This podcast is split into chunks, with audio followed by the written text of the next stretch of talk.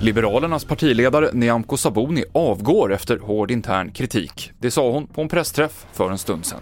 För att vi ska bli det nya Sverige krävs mycket av oss alla. Jag ser ännu vägen framför mig.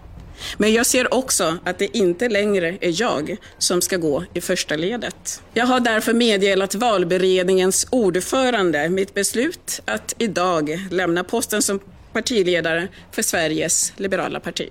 Det här beskedet kommer inte helt oväntat med tanke på Liberalernas väldigt svaga opinionssiffror inför höstens val, säger vår politiska kommentator Ulf Kristoffersson.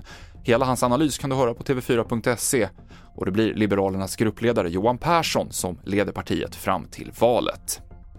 Över 30 personer uppges ha dödats i en rysk attack mot en tågstation i staden Kramatorsk i östra Ukraina idag. Civila har uppmanats att lämna regionen och tusentals uppges ha befunnit sig på stationen när raketer slog ner. Och FN säger att världspriserna på spannmål förra månaden var de högsta någonsin. Matprisindex, som följer prisförändringar på ett antal varor, steg kraftigt under mars och enligt FN så är det kriget i Ukraina som är den största orsaken. Ryssland och Ukraina står tillsammans för ungefär en fjärdedel av den globala exporten av vete och majs. Fler nyheter finns på tv4.se. Jag heter Mikael Klintevall.